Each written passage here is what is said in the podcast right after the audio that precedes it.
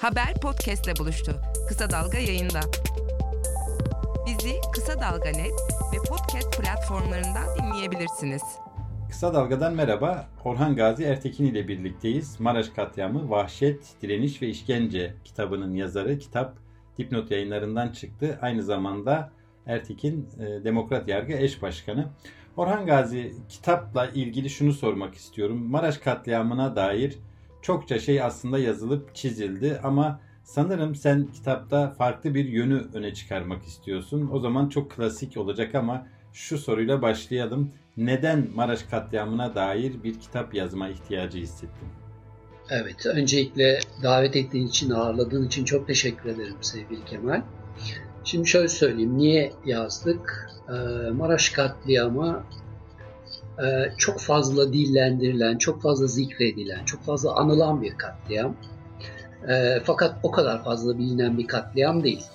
Yani bu alandaki araştırmacılar, araştırmalar biliyorsun, e, Cumhuriyet tarihindeki katliamlar araştırması Dersim tertelesiyle başlar ve Sivas katliamıyla sona erer. Gazi katliamı onun artçı sarsıntıları olarak anlatılır. Ama genel olarak Maraş katliamı bunlar kadar iyi bilinmez. Yani Dersim tertelesi konusunda akademik bilgi e, Maraş katliamına göre belli bir yere gelmiştir. E, mukayese bile edilemez. E, bilimsel bilgi altyapısı oldukça sağlamdır. Maraş katliamına göre. Sivas katliamı için de geçerli. Aynı durum popüler bilgi açısından da geçerli. E, kamuoyunun bilgilenmesi bakımından popüler bilgi Dersim tertelesi ve Sivas katliamıyla karşılaştırıldığında Maraş katliamı konusunda son derece azdır. Son derece sınırlı bir bilgi birikimiyle karşı karşıyayız. Bir defa kaynaklar çok az. Bu alandaki araştırmacıların büyük çoğunluğu e, araştırmalar malzemesini iddianamelerden ve gerekçeli kararlardan çıkartırlar. E, bu da çok ciddi bir sorun çıkartıyor e, iddianamelerle ve e, şeyle gerekçeli kararlarla tarih yazmak, katliamları araştırmak ciddi bir sorun çıkartıyor. Çünkü o iddianamelerin ve gerekçeli kararların arkasındaki tarihi yazmak lazım. Bu konuda ciddi sorun var. Maraş katliamı diğer birçok katliamla aslında birlikte anılan bir katliam. Yani 12 Eylül öncesi benzer nitelikteki Çorum, Sivas, Malatya katliamlarının yanına eklenerek Maraş katliamı diye zikredilir. E, ve fakat ayırt edici özellikler üzerinde çok durulmaz. Biraz belki orada yaşanan vahşetin ayrıntılarıyla o da sınırlı bir kamuoyuna ulaşmış şekliyle zikredilir. E, peki ama Maraş katliamına genel kamuoyunda ilgisizliğin, tabi 12 Eylül öncesi katliamları da bunlar arasına saymak gerekir. E, çok e, konuşulmamasının, tartışılmamasının e, ve de e, devlet söyleminde bir provokasyon söylemiyle geçiştirilmesinin nedeni ne? Yani örneğin buna dair aydınlar, gazeteciler, yazarlar neden Maraş ve diğer katliamlarla ilgili yeterli bir e, literatür, yeterli bir e, kaynak oluşturmadılar bugüne kadar? Tam da dediğin gibi aslında katliamlar geçti içerisinde bir tür kafiye olsun diye e, sıkça dillendirilen bir şey ama içerik olarak hakikaten yani e, hem bilimsel hem popüler bilgi bakımından son derece zayıf. Bence bunun önemli sebeplerinden bir tanesi e, Türk sahanın bu konuyu bu konudaki e, şeyinin e, yaklaşımının dilinin e, bu alana hakim olması gibi görünüyor. Türk saha bu alanın konuşulmasını e, ciddi ölçüde e, engellemek istiyor bu alanın konuşulmasını istemiyor. Daha doğrusu bu alanda susmayı teklif ediyor. Kendi e, fiilinde, kendi günahında, kendi suçunda masumiyet e, arama e, fantazisi hep olmuştur. E, diğer katliamlar için de geçerli bu. Ama burada biraz daha bu, bu fantazi neredeyse gerçek haline Diğer yandan tam da konuşulmamasının belki tam konuşulamamasının önemli sebeplerinden bir tanesi mağdurların e, çok da konuşmaya e, meyil etmemeleri. Yani ben örneğin birçok mağdurla, Maraş katliamı mağduruyla karşılaştım. E, konuşmak konusunda birazcık e, çekingen davranıyorlardı. ya bir yandan çok konuşmak istiyorlar Kemal. Ee, çok şey anlatmak istiyorlar. Yani gözleri yaralarına baktığında, gözleri içe döndüğünde, kendi yaralarına baktığında olağanüstü paylaşmak istiyorlar. Olağanüstü e, e, nedir o? E, ya kendi yaralarını anlatarak, empati kuracak birisiyle, duygudaşlık kuracak birisiyle anlatarak aşmaya çalışıyorlar. Ama diğer yandan diğer gözleriyle topluma baktıklarında, kamuoyuna baktıklarında, Türkiye'nin yargısına baktıklarında, Türkiye'nin hukuk düzenine baktıklarında, Türkiye'nin devletine gelmiş geçmiş iktidarlarına baktıklarında e, susmayı tercih ediyorlar. Yani konuşma isteğinin eksikliği bir defa topluma duyulan güvensizlik. E, devlete duyulan güvensizlik, hukuk düzenine duyulan güvensizlik, yargı düzenine, o yargılama sürecini düşündüğümüzde Maraş katliamının ve geldiği aşamayı düşündüğümüzde e, devlet kurumlarına açık bir güvensizlik var. Ama daha önemlisi tam da senin dediğin gibi halka dönük de ciddi bir güvensizlik var. Yani devletin şiddeti burada şeyle tamamlanıyor. E, halkın sünni toplumsal merkezin unsurlarının şiddetiyle e, tamamlanıyor. Bu şiddet, bu şiddet aslında e, örneğin iddianame öyle ilginç bir biçimde yansıyor ki iddianame gerekçeli karara. E, sanıkların e, belirli bir kısmı yani çok önemli e, sayılabilecek bir kısmı orta yaşlı kadınlar. Bu çok önemli gerçekten. Yani bir katliamda sanıkların yarısının orta yaşlı kadın olması e, gerçekten e, birçok insanı şaşırtacak bir bilgi. Yani o dönemki Maraş'ın sosyolojik yapısını da düşündüğümüzde sanırım bu orta yaşlı kadınlar e, ev kadını büyük ölçüde ve işledikleri fiiller daha çok en yakınlarında olan yani komşularına dair fiiller olsa gerek. Bunun üzerinde biraz durmak istiyorum. Yani orta yaşlı kadınların sanıkların yarısını oluşturması aslında bu katliamda e, sıradan insanların yani halkın katılımına dair de bize çok önemli bir veri sunuyor ve bunun üzerinde durmamız gerektiğini düşündürüyor değil mi? Evet yani Türkiye'de e, katliamlarla ilişkilenme daha çok devleti sorumlu tutma, yani merkez kadroları sorumlu tutma şeklinde oldu ve Maraş katliamı da hep bu biçimde kurgulandı zaten. E, ilk kurgulanma şeyi ya, ya e, şeyin Maraş katliamının e, bilimsel ve popüler düzeyde inşası ilk olarak halkın kışkırtıldığı, masum halkın kışkırtıldığı bir dil üzerinden kuruldu. Buna karşılık işte Amerikan emperyalizminin kendi ülkücü araçları kullanarak gerçekleştirdiği bir suç bir cinayetler serisi gibi algılandı. Bu hem aydınlıkçı çevre tarafından inşa edilmiş bir şeydir. Hem de Cumhuriyet Halk Fırkası tarafından, Cumhuriyet Halk Partisi tarafından inşa edilmiş bir şeydir. Bu inşada e, halka daima masum, en fazlasından kışkırtılmış bir rol veriliyor. Oysa e, gelmiş geçmiş birçok e, şey e, katliam, Maraş katliam bunların en önemlilerinden bir tanesidir.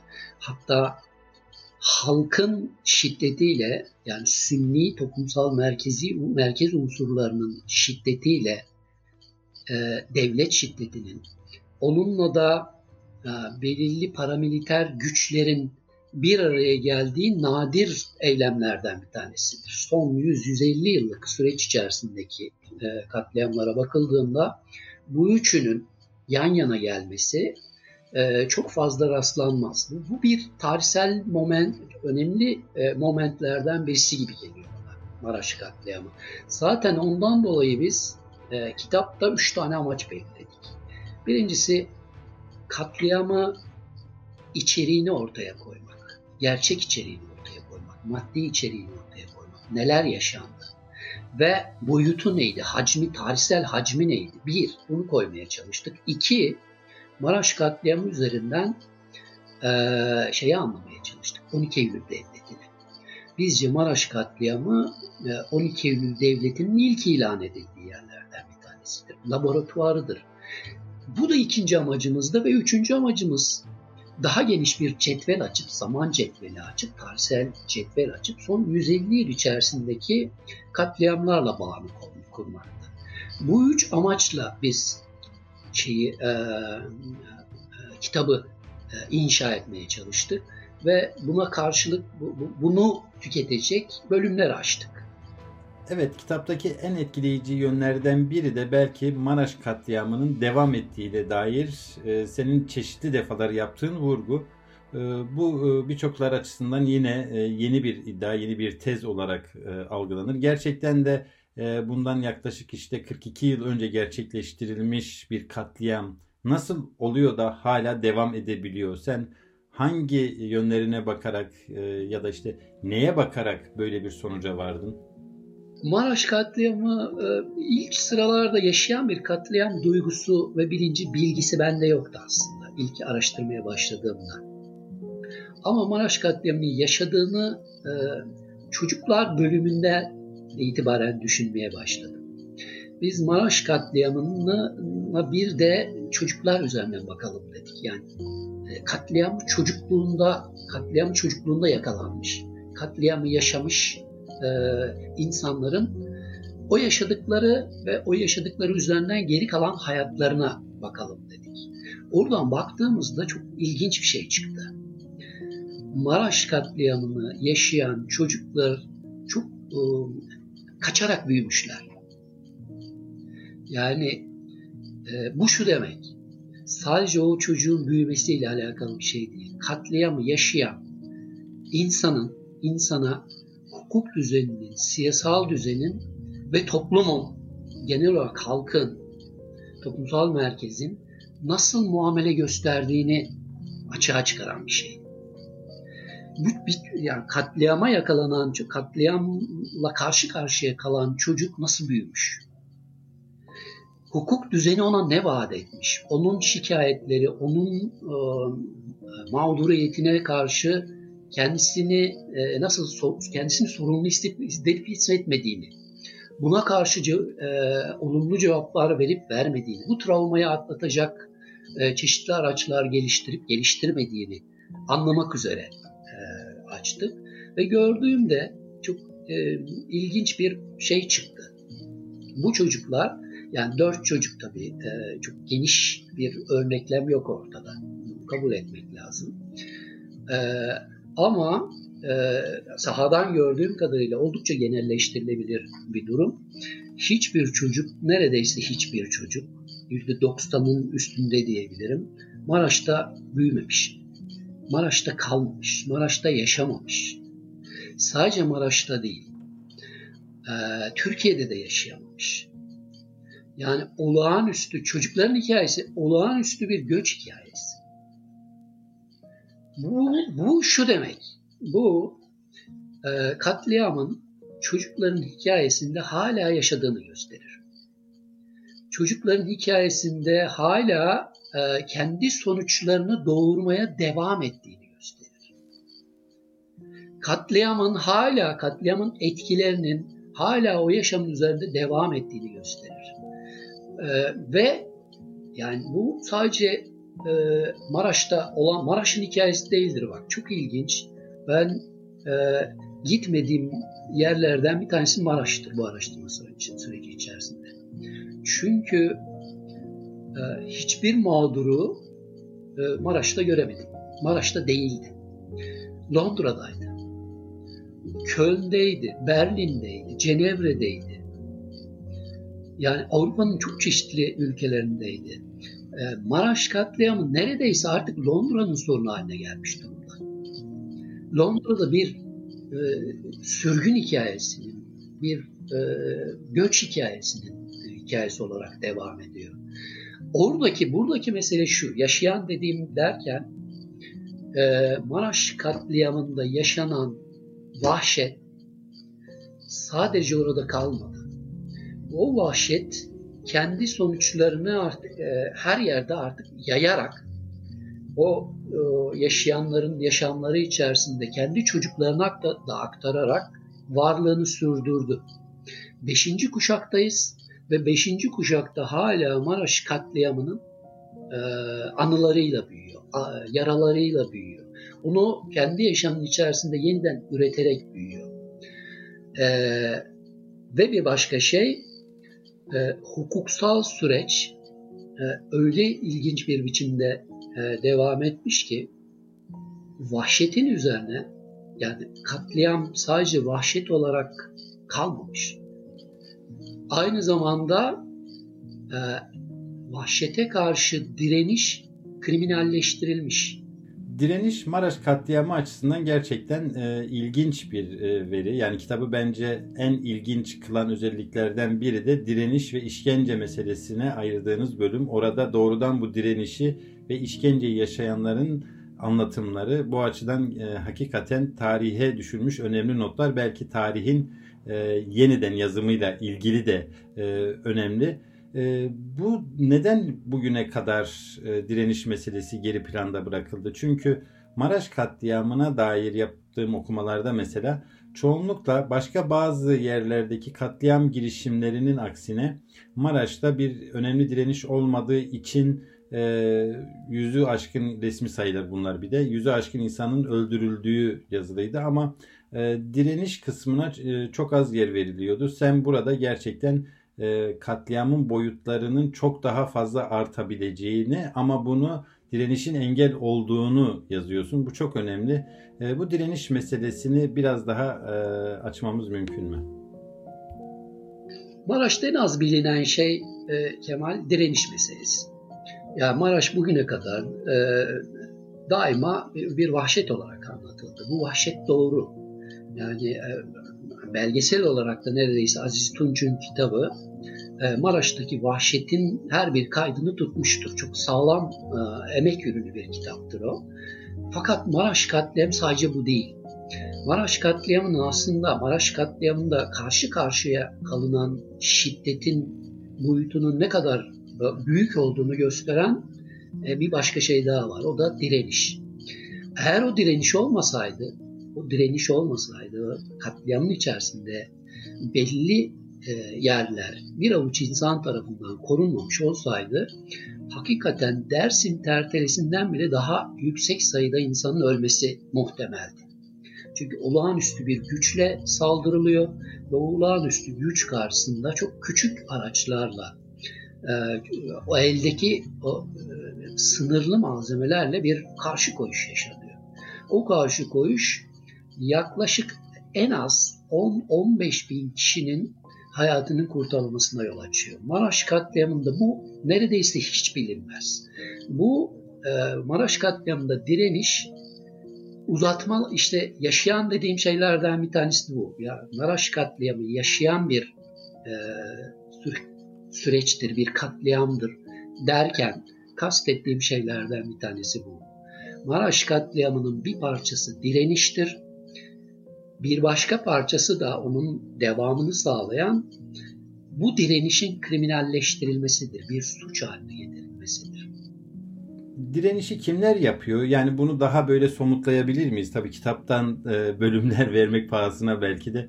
Yani direnişçiler kim? Neler yapıyorlar? Nasıl yapıyorlar? E, ve halkın bu direnişçilere ilişkin yaklaşımı ne? Bunları biraz daha ayrıntılandırabilir miyiz? Ya Maraş'ta e, ya bir avuç insan denilebilecek e, çok genç insanlar bunlar. 20-30 yaşlarında her biri farklı farklı gruplardan e, toplasanız 15-20 kişi bulmayacak bir topluluk e, halkın da katılımıyla, halkın da e, bu şeyin içerisinde, direniş işin içerisinde kendi görevlerini almasıyla özellikle Yörük Selim Mahallesi'nde ve Karamaraş Mahallesi'nde e, bir direniş sergiliyorlar. Bu direniş e, örneğin çok yaratıcı şeyler var direnişin içerisinde. Saldırganlara karşı çok güçlü olduklarını e, göstermek için sopa borusunun içerisinden e, ruhsatlı silahla, ruhsata tabi nitelikteki bir silahla ateş ediyorlar birkaç defa. Ve bunun etkisi olağanüstüymüş sesi. Ya orada bir sonradan e, saldırganlar jandarmaya burada, burada top tank var diye şikayet ediyorlar. Bundan dolayı. Yani çok zekice, e, çok yaratıcı bir e, şeyle Yörük Selim'in ve Karamaraş mahallesinin sanki kendisini korumayı bırak çok daha saldırganlara çok büyük zarar verecek silah imkanlarına, araçlara e, sahip olduğu duygusu uyandırılıyor. Ciddi alınabilecek tek bir silah var. O da tesadüfen elde edilmiş bir silah. E, Komünist Osman isimli e, bir kişiden tesadüfen alınmış bir silahtır. Onun dışında silah namını yani o toplu, o çapta bir topluluğa binlerce neredeyse on binlere varan ve farklı farklı yerlerden büyük topluluklar halinde saldıran bir şeye, güruha karşı koyabilecek nitelikte e, herhangi bir silah yok. O tek bir silahın da toplam mermisi 400-500 civarında. Ve ilk saldırıda yani o, o da çok önemli. İlk saldırıda kararlılıkla karşı konulmuş olmasının da yani e, önemli bir etkisi var. Direniş, direniş herkes tarafından biliniyor. O direnişin e, on binlerce insan neredeyse o yani e, şey abartılı olabilir tabii yani 30 bin, 40 bin demek, on binlerce demek belki abartılı olabilir ama 10-15 bin kişinin hayatını kurtardığı açık ve bunu hem yetkililer biliyor, hem güruh biliyor, saldırganlar biliyor, hem kamuoyu biliyor. E, Birçok yerde de yani hemen katliamın arkasından bu o, direniş belli gruplar tarafından ilgisiz bazı gruplar tarafından sahiplenilmeye çalışılıyor. Yani bu, bu bir bilgi. Fakat e, yaklaşık bir yıldan sonra yani Maraş katliamına e, katliamı davası iddianameye dönüştükten, iddianame gerekçeli karara dönüştükten ve gerekçeli karar da artık sona doğru geldiği andan itibaren gerekçeli kararda verildiğinden e, yazıldığından, karar verilip yazıldığından itibaren artık bir 12 Eylül fantazisi yavaş yavaş kendini göstermeye başlıyor. O da e, direnmenin suç haline getirilmesi. Karşı koymanın, meşru müdafaanın suç haline getirilmesi. Maraş katliamında en az bilinen e, direniş kadar az bilinen noktalardan bir tanesi de Maraş katliamı davasının 12 e, Eylülcüler tarafından, 12 Eylül darbecileri tarafından özel bir fantaziye tabi tutulması ve bizzat direnişçilerin e, katliamdan sorumlu tutulması çabasıdır. Bu işkence meselesi de gerçekten 12 Eylül'ün e, önemli verilerinden biri. Yani 12 Eylül öncesi başlayan ve 12 Eylül döneminde katmerlenerek artan bir işkence gerçeği var. Maraş'ta direnişçilere yönelik bu işkence de 90'ar günlük periyotlarla yapılıyor ve aslında tahayyül etmesi çok zor yöntemler. Kitapta işkence yöntemlerine dair de çokça şey var. En azı 90 gün süren yani şeyden itibaren başlıyor.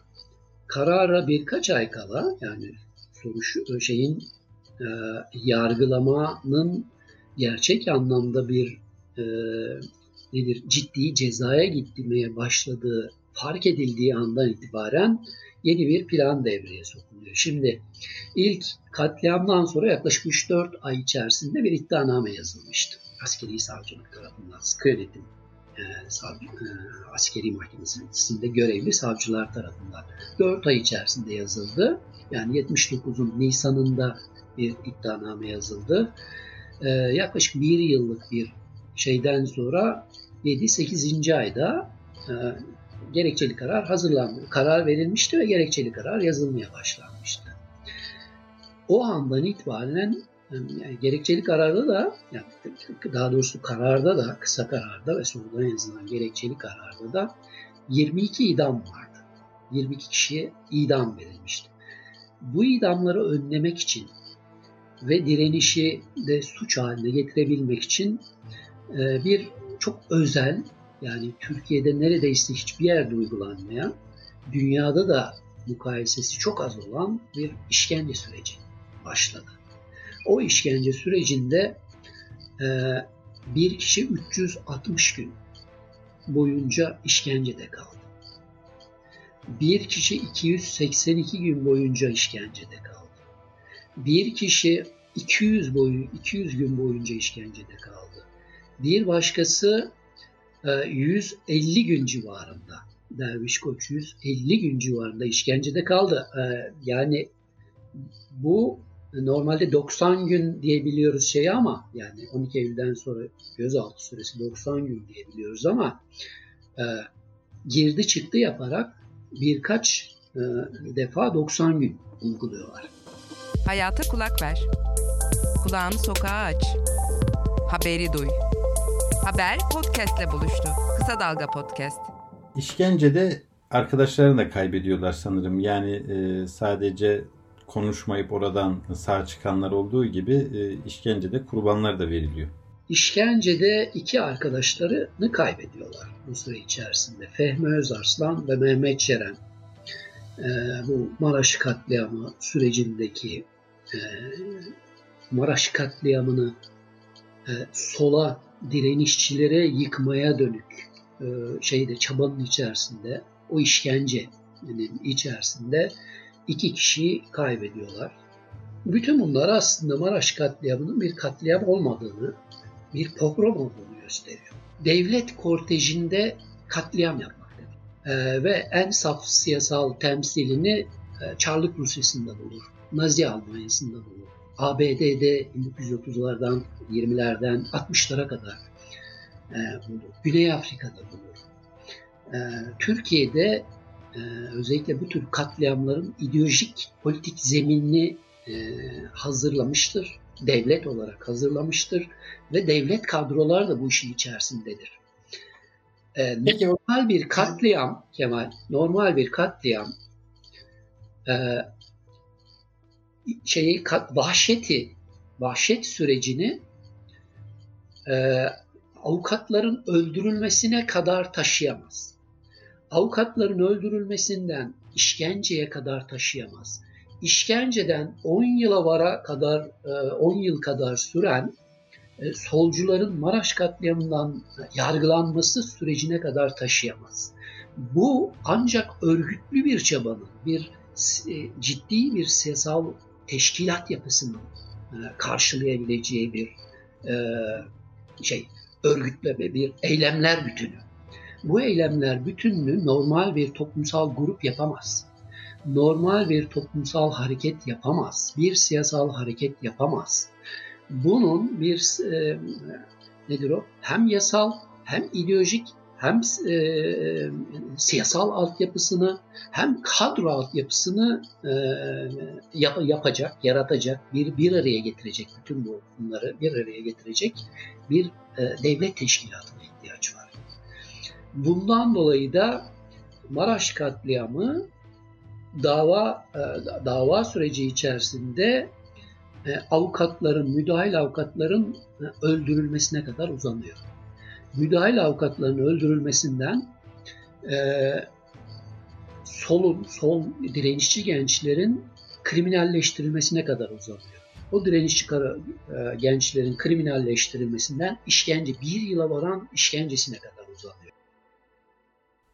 Orhan Gazi burada e, araya giriyorum ama Maraş katliamına dair en önemli şeylerden biri de e, 12 Eylül'ün önemli bir hazırlayıcısı olması. Yani birçok katliam aslında 12 Eylül'e giden yolda e, MIT belgeleriyle de bunlar ortaya konuluyor ki e, aslında darbeye zemin hazırlamak üzere e, başka yan amaçlar da vardır ama e, esas itibariyle darbeye zemin hazırlamak üzere gerçekleştirilen e, planlanan katliamlar. Ee, ama bir yandan da Maraş katliamının kendisinin de bir dönüm noktası olma özelliği var. Kitaptan bunu anlıyoruz. Özellikle e, kadroların tasfiyesi yani Alevi, Kürt ya da Alevi Kürt, sol, sosyalist kadroların e, kamudan, e, memuriyetten, işte polislikten, öğretmenlikten tasfiyelerinin de başlangıcı bu açıdan Maraş katliamı 12 Eylül öncesinde 12 Eylül'ün bir tür başlangıcı olarak da değerlendiriliyor kitapta değil mi? Şimdi bence Maraş katliamının en önemli e, özelliklerinden bir tanesi e, 12 Eylül darbesinin laboratuvar olması. 12 Eylül darbesinin ilk belki bildirisi, ilk ilan edildiği yer olması. Ve ilk başarıl, başarıldığı yer olması. Yani 12 Eylül'ün bütün amaçlarının, bütün hedeflerinin, e, bütün araçlarının devreye sokulduğu ve sonuç alındığı bir yer olması. Bir defa en önemli şey şu, e, Maraş katliamı açısından. Maraş katliamındaki e, katil cinayet güruhu, katiller bir süre sonra devletin resmi kadrolarına dönüşüyor. Ee, sadece fiziksel olarak değil, devletin kadroları, devletin dinamik kadroları, örneğin polis içerisindeki demokrat, devrimci polisler, öğretmen içerisindeki demokrat, devrimci öğretmenler, çok çeşitli diğer kurumlardaki demokrat, devrimci öğretmenler ciddi ölçüde Maraş katliamının arkasından tasfiye ediliyorlar. Bu bir. Bu 12 Eylül'e bir e, memur zihniyeti de hediye etmiştir. Yeni bir memur zihniyeti. Muhafazakar bir memur zihniyetini, bir yeni bir kadro yapısı inşa etmiştir. Yeni bir kadro kültürü oluşturmuştur. Bu kadro kültürü 80'den sonraki hikayenin, bugüne gelen hikayenin bir devamıdır aslında. Ee, Maraş katliamından sonra ve 12 Eylül'de resmileşen bu süreç Türkiye'de memur kadrolarının ister soldan gelsin, ister sosyalist soldan gelsin, ister Alevilikten veya Kürtlükten gelsin, hangi kaynaktan gelirse gelsin, kendisini muhafazakar olarak ifade edebildiği sürece yaşayabildiğini, yaşayabildiği bir alan açmıştır. Yani solun bütün dinamik, e, yaratıcı e, şeyleri, özneleri 78 Maraş katliamıyla birlikte belli bir mikro alanda e, yok edilmiş ve e, kendi gerçek sonuçlarını, siyasal sonuçlarını da 12 Eylül'de görmüştür. Bu anlamda Maraş katliamının bir tür 12 Eylül devletinin ilk yaratıldığı 12 Eylül devletinin bütün e, hem kadro anlamında devlet kadroları anlamında hem de toplumsal grupların terbiyesi anlamında. Toplumsal grupların zihin, e, zihninin e, daha merkez e, daha merkezci, muhafazakar bir biçimde inşa edilmesi anlamında başlangıç olmuştur. 12 Eylül'deki o şey suç mahalli, şey e, Maraş katliamındaki o suç mahalli, suçun kendisi 12 Eylül'le beraber e, artık resmileşmiş, sonraki 30-40 yıllık hikayeyi de belirginleşmiş, belirginleştirmiştir. Buradaki önemli hikayelerden bir tanesi şu. Yani devletin e, hem ideolojik hem kadro e, yapısı bakımından belirlenmesi açısından. Şimdi Maraş katliamı hakikaten de Alevi hafızası üzerinden bakarsak ciddi bir boşluk var. Maraş katliamı yönünden ciddi bir boşluk var. Fakat bunu biraz tersinden de sorgulamak gerekiyor bence. Ben bunun bir sünnilik sorunu olduğunu düşünüyorum. Bir Türklük sorunu olduğunu düşünüyorum. Alevi'nin böyle bir dilsizliğe, böyle bir suskunluğa mahkum edilmesinin ciddi bir sorun olduğunu düşünüyorum. Bunu hep Aleviler üzerinden, bunu hep e, nedir? Alevilerin kendi terbiyesi, kendilerini korumak üzere e, yaptık, geliştirdikleri bir e, şey yöntem gibi algılamaya çalışmak ve onlar üzerinden algılamaya çalışmak ciddi bir sorunmuş gibi geliyor bana. Daha önemli sorun bence Türklerin, Sünnilerin kendilerini bu konuda sorumlu hissetmemeleri.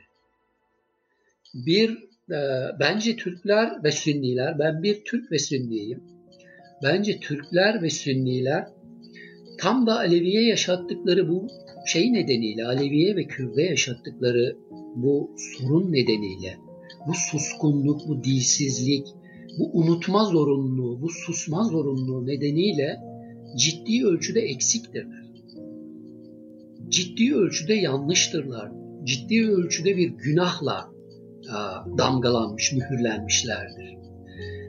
her e, Türk'ün ve her Sünni'nin Alevi'nin neden kendi yarasını sakladığına dair bir hesaplaşması olmak zorunda. Bu yarayı neden saklıyor?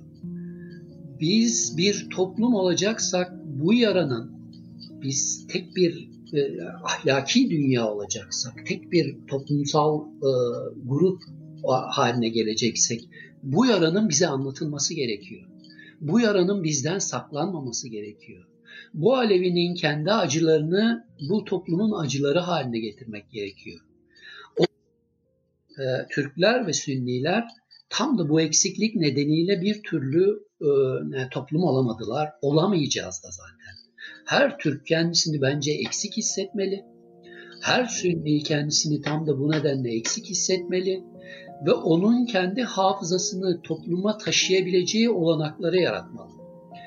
Bir Alevi'nin, bir Kürdün, hele bir Alevi Kürdün iki defa katmerli bir e, şey yaratıyor. E, nedir? Travma yaratıyor. Bir Alevi Kürdün kendi yaralarını şeye açabilmesi, kamulaştırabilmesi, kamusallaştırabilmesi, kamunun bilgi alanına dönüştürebilmesi, kamunun sonuçlar çıkarabilmesi, e, yeni imkanlar geliştirebilmesi için, yeni hukuki araçlar, yeni siyasal araçlar geliştirebilmesi için e, oranın bir e, gerçek bilgisine dönüştürebilmesi maalesef bizzat bu siyasal düzenin kur, kur, kurucu yapısı tarafından, hukuksal düzenin kurucu zemini bakımından ciddi ölçüde engellenmiş durumda. Bunun bir defa e, bir mesele olarak ele, ele alınması lazım.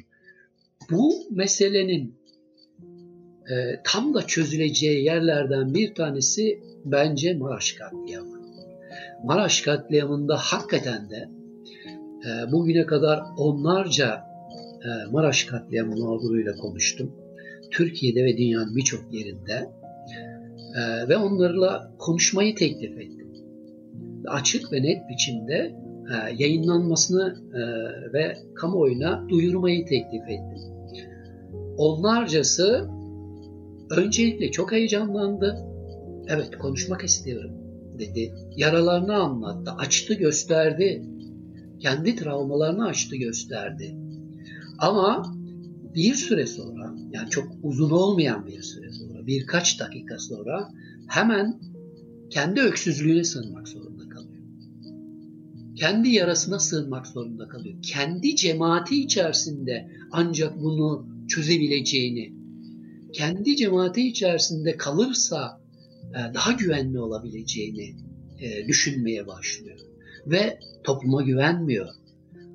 E, Sünni merkeze güvenmiyor. Türkiye devletine güvenmiyor. Türkiye'nin yargısına güvenmiyor. Çünkü çünkü Türkiye'nin devleti, yargısı, Türkiye'nin toplumu kendi kalbini, kendi kamu alanını o yaralara açmamış. Açmadığı için de yapacağı tek şey içe dönmek, içeride kendisini e, onarmaya çalışmak, içeride kendini tamir etmeye çalışmak, orada oranın imkanları neyse, oranın genişliği neyse, oranın hacmi neyse, oranın e, boyutunu almak, oranın dilini almak, oranın dilsizliğini almak, oranın sessizliğini almak, oranın öksüzlüğünü almaktan başka çare kalmıyor. E, dolayısıyla burada e, şeyi çok suçlama taraftarı değilim ben. Alevi ve Alevi Kürdü çok suçlama taraftarı değilim. Böyle bir yarayla karşı karşıya kalan her Türk ve Sünni kaçınılmaz olarak böyle bir şey yapardı. Azınlık psikolojisi kaçınılmaz olarak böyledir bir de daimi şiddetle, daimi katliamlarla e, hafızası örülmüş bir toplum için başka da yapacak yol kalmıyor. Tam da burada aslında Maraş katliamına dair bir faillik meselesini tartışmak gerekiyor. Çünkü sen de kitapta aslında katliamın tek bir failinin olmadığını söylüyorsun. Ülkücü gruplar bir fail ama toplumun yani halkın kendisi de fail olarak bu katliamların içinde. İşte Amerika'nın e, bölge politikaları, Türkiye politikaları gereği e, ülkücülere verdiği destek ve 12 Eylül'e giden yolda bütün bu katliamların arkasındaki gizli güç olmasına da bir vurgu var. E, ama e, ortada net bir fail değil ama bir sürü şeyin kesişmesinde ortaya çıkan bir e, failler topluluğu var belki. Yine de ben e, şunu sormak istiyorum. Ülkücülerin burada tırnak içerisinde e, bir başarı gösterdiklerini söyleyebilir miyiz? Yani şu açıdan e, bütün bir kente harekete geçirecek organizasyon evet devletin bir takım unsurları vardır ama e, vurucu güç olarak ve belki kitleyi yönlendiren güç olarak ülkücüler bir tırnak içi başarı göstermiş oluyorlar mı kendi politikaları açısından? Şimdi Maraş'ta bir e, çok sıkça kullanılan, özellikle Alevi Kürtler için çok sıkça kullanılan geleneksel bir deyim vardır. E, o da kıran artı. E, bu ülkücüler tarafından üretilmiş bir şey değil. Deyim değil. Bu geleneksel bir deyim. Yani kılıç artığının daha Maraş yöresine ait ifadelerinden bir tanesi kıran artığının ne anlama geldiğini tahmin etmek hiç zor değil. E, belli bir kırım, kırımdan, belli bir yok etme pratiğinden, tasfiye sürecinden hayatta zar zor kalabilmiş olan, katlandığımız, katlanmak zorunda kaldığımız bir topluluk demek. Ve zaman içerisinde o topluluğunda kaçınılmaz olarak zor anlarda yeni şiddet tin konusu haline getirilmesi, e, getirilmesi anlamına geliyor. Şimdi bir topluluğu, bir, bir, belli bir e, grubu bir kategoriye dönüştürürseniz, yani kıran artığı bunlardan bir tanesi, böyle bir kategoriye dönüştürürseniz, pejoratif bir kategoriye dönüştürürseniz, o topluluk şiddete, e, şiddetin konusu haline geliyor, şiddete açık hale geliyor e, cezasız olarak şiddet uygulanabilir e, e, bir grup haline geliyor. Bu o, geleneksel bir şeydir. E, Maraş'ta varlığını sürdüren, halen de varlığını sürdüren, birkaç yüzyıldır varlığını devam ettiren bir e, zihniyet yapısını da açığa çıkaran bir şey. Dolayısıyla burada dinamik olanın sadece ülkücü hareket olduğunu, örgütlü paramiliter bir grup olduğunu söylemek bence çok zor. Sadece onun üzerine yıkmanın çok zor olduğunu düşünüyorum. Yanlış olduğunu düşünüyorum. Gerçeği algılamak için uygun olmadığını düşünüyorum. Ee, eğer siyasal bir analiz yapıyorsak, hukuksal bir dosya değil de bu ikisi birbirinden farklı şeylerdir. Çünkü siyasal bir analiz yapıyorsak e, Maraş katliamında üç ciddi failden bahsetmek gerekir. Bu faillerden bir tanesi cumhuriyetçi seçkinlerdir. İttihatçı seçkinler de diyebiliriz bunu. Çok çeşitli tarihsel e, şeyin e, nedir o momentlerde bunlarla karşı karşıya geldik. Cumhuriyetçi e, seçkinler grubu e, özellikle devlet merkezini yöneten, farklı toplumsal, e, etnik, kültürel grupların merkez kaç hareketlerini yönetmeye çalışan, onları tasfiye etmeye çalışan, onları terbiye etmeye çalışan bir e, şeyi oluşturuyor. Bir nedir o? Bir topluluğu, bir kartel grubunu neredeyse oluşturuyor. Bunlarsız bir e, nedir yerelde, mikro alanda bu çapta bir e, şiddeti örgütleyebilmek, harekete geçirebilmek mümkün değil. Bu siyasal altyapı olmaksızın mümkün değil. Nitekim bak çok ilginç. E, Maraş katliamında hedefler, hedef valilik, jandarma veya hastane gibi kurumlar olmaya başladığı andan itibaren anında durduruluyor. Dört günde e, üç saatlik yoldan gelmeyen Kayseri komandoları tam bu valiliğe e, saldırı olduğu andan itibaren 3 saat içerisinde olaya müdahale ediliyor. Ve orada ciddi şiddet de kullanılıyor. Bu önemli bir şey. Bunu bir köşeye koyalım. İki, kuşkusuz ülkücü hareketin 1940'larda örülmüş bir genetik yapısı var. 1940'lardaki o büyük kırılmayla örülmüş bir genetik yapısı var. Bu genetik yapı Türkçülüğün, milliyetçiliğin içerisinde ayrılaşmayla belirginleşti. Özellikle Türkçülükten ayrışmayla belirginleşti. Nihal Atsız grubundan, Necdet Sancar grubundan ayrışmayla belirginleşti.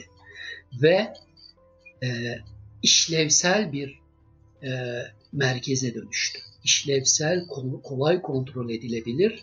Aynen Guatemala'daki gibi, aynen e, Filipinler'deki gibi e, Sovyetlerle yüz yüze gelinen bu geniş coğrafyadaki Şili'ye kadar, Şili'den Filipinlere kadar uzanan bu geniş coğrafyadaki paramiliter gruplar nasıl örgütlendiyse Türkiye'de e, ülkücü harekette böyle örgütlendi.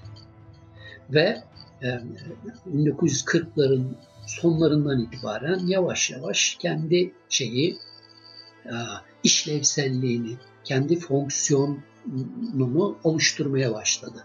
1950'lerde, 60'larda, 70'lerde hatta milliyetçiliğin diğer gruplarıyla çok ciddi şiddete varan e, kapışmaları olmuştur. Ali Balseven diye bir e, Türkçü genci örneğin 1972'de öldürdüler ülkücüler.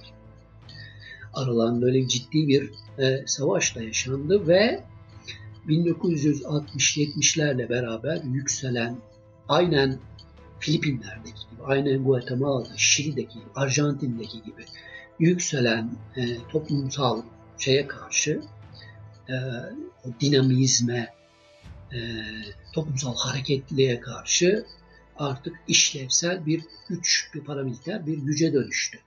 Bunun Maraş yerelinde bir karşılığı var.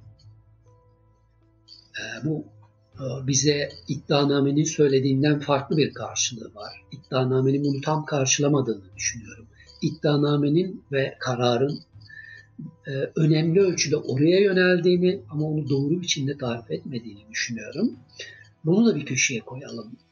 Cumhuriyetçi seçkinler, iddiaçı seçkinler, ülkücü baronlar, milliyetçi baronlar, bu şiddeti somut olarak yöneten milliyetçi baronlar ve üç e, halkın kendisi. Halk dediğimiz şey sünni toplumsal merkezden söz ediyoruz. O sünni toplumsal merkezin ürettiği e, ve taşıdığı o olağanüstü somuta her an dönebilecek, her en küçük fırsatta e, kurt adama, kurt kadına dönüşecek bir e, nefreti barındıran halktan söz ediyoruz. Tam da burada aslında şu aklıma geldi. Kitapta da e, değiniliyor ama Maraş katliamında ya da benzer birçok katliamda da olayın bir de ekonomik, sosyoekonomik boyutu olduğu görülüyor. Maraş'ta da katliam öncesinde Alevilerin kent yaşamında görünür hale geldikleri, işte restoran, otel vesaire birçok e, mekan açtıkları, bunların sahiplerinin Aleviler olduğunu biliyoruz.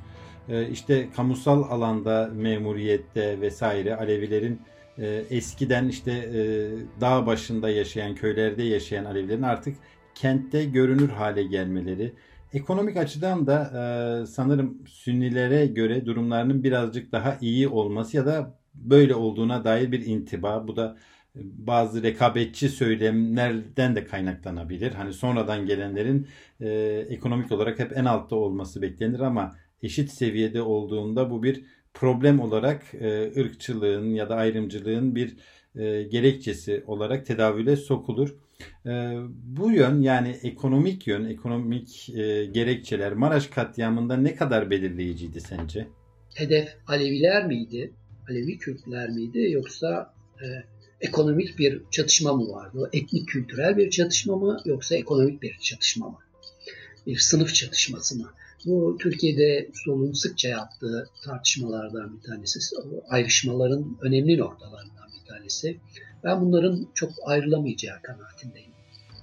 Ee, ve sadece sınıf sorununa indirgenmesinin e, etnik kültürel hiyerarşiyi içe saymak olacağını e, sadece etnik kültürel bir hiyerarşi olarak görmenin de sınıfsal e, meseleleri, sınıfsal zeminini e, yok saymak anlamına geleceğini. Aslında bu ikisinin birlikte e, e, ilerlediği kanaatindeyim. E, bu açıdan bakıldığında aslında hakikaten de ciddi bir ekonomik mesele var. Sadece e, Alevilerin, solun o toplumsal merkezi ele geçirmeye başlaması, kamusal alanlarda daha fazla görünür olması, oraları kontrol etmeye başlamaları e, ciddi bir siyasal tehlike olarak e, algılanmıştır. Aynı zamanda bir halkta da Sünni toplumsal merkezde de bunu bir tehlike olarak görme süreci yaşanmıştır. Bu ekonomik boyutun bir e, e, şeyi nedir? Veçesi diyelim. Buna benzer başka hikayeler de anlatılır. Belli fabrikalarda örneğin e, diskin örgütlenmeye başlaması ve diskin örgütlenmesinin e, giderek yaygınlaşmasıyla, güç kazanmasıyla e, beraber bir tehlike olarak algılanmaya başlaması. Sınıflar e, büyük e, burjuva sınıfı açısından da ticaret burjuvası açısından da ciddi bir sorun olarak görmeye başlandığını, başladığını, başladıklarına dair te- tecrübeler var. Daha doğrusu gözlemler var. Daha ötesi örneğin katliamın kendisinde, katliam süreci içerisinde sırf ekonomik nedenli bir sürü şiddet. Yani komşusunun kaset çalarını almak için gidiyor. Komşusunun e, koltuk takımını almak için gidiyor. Komşusuna ait düşündüğü ne varsa bileziğinden tut onun yani değer e, olabilecek ne varsa her şeyi almak için hareket ediyor. Orta yaşlı kadınların çoğunluğunun hedefi budur. Yani siyasal bir şeyden çok, bir angajmandan çok o Dolunay'la beraber birdenbire kendisinin önünün açıldığı e, ve rahatça hareket edebileceği içindeki o şiddet duygusunun, nefret duygusunun veya e, haset duygusunun, kıskançlığın harekete geçirebileceği ve telafi edilebileceği bir alan doğmaya başlıyor. Ve ya orada olağanüstü talan var.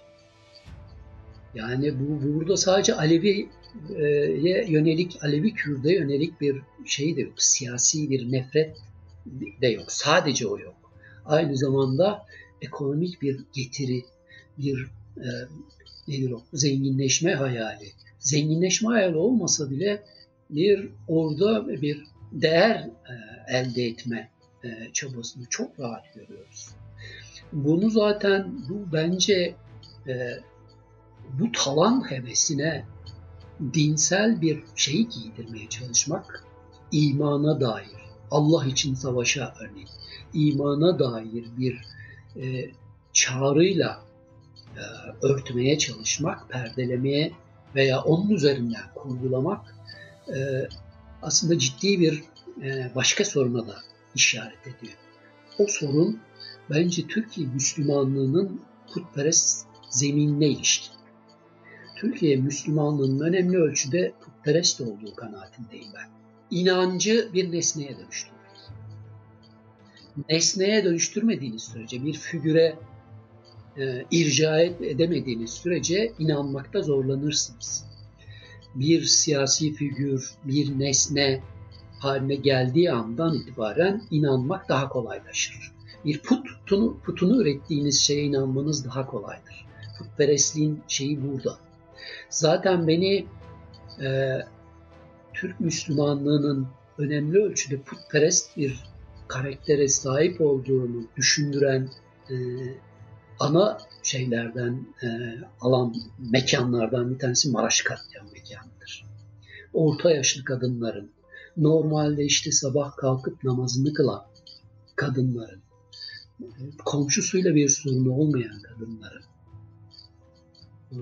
birdenbire Allah için savaşa çağrısını, sabah kalktıklarında Allah için savaşa çağrısını peşine düşmüş olmaları. Ama eve dönerken kaset çalarla dönmeleri. Zaten yani katliamdan sonra kaçan bir aile evine dönüyor. Ee, dinlediğim olaylardan bir tanesidir. Ve komşularına diyor ki getirin koltuk, koltuk takımını. Bir iki saat içinde koltuk takımları geliyor. Çalınan her şey getirip konuluyor. Biliyorum diyor kim çaldığını. Kimin ağlar? Sen aldın, sen aldın. Hepsini getirip koyuyor. Yani normal insan, katliamların büyük çoğunluğu aslında normal insanlar arasındaki şeyden doğuyor. İlişkilerden doğuyor.